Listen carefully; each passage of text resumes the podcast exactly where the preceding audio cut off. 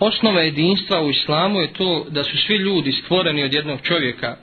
Kaže uzvišeni Allah subhanahu wa ta'ala O ljudi, bojte se gospodara svoga koji vas od jednog čovjeka stvara, a od njega je i drugu njegovu stvorio i od njih dvoje muškarce i žene rasijelu. Među ljudima nema razlike osim u bogobojaznosti. O čemu govori i drugi kuranski ajet kojem uzvišeni kaže inne akramakum inda Allahe etkakum. Najčasniji, odnosno najbolji kod Allaha su oni koji su najbogobojazniji. Ta osnova se nadograđuje odgajanjem pojedinaca na ispravnom vjerovanju u Allaha subhanahu wa ta'ala i pokornosti njemu. Zato kaže subhanahu wa ta'ala inna hadihi ummetukum ummetan wahide wa ana rabbukum fa'budun.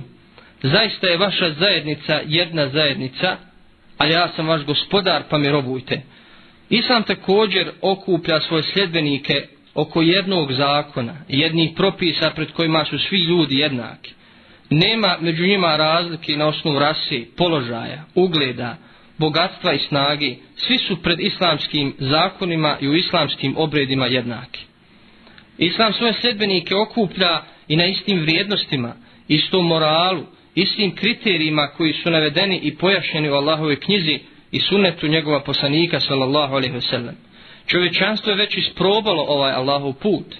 Iz njega je izašla u stvarnost jedinstvena i skladna zajednica u kojoj nema sektašenja i razilaženja. Zajednica Arapa prije Islama je bila primjer nesloge i sukoba i međusobne netrpeljivosti.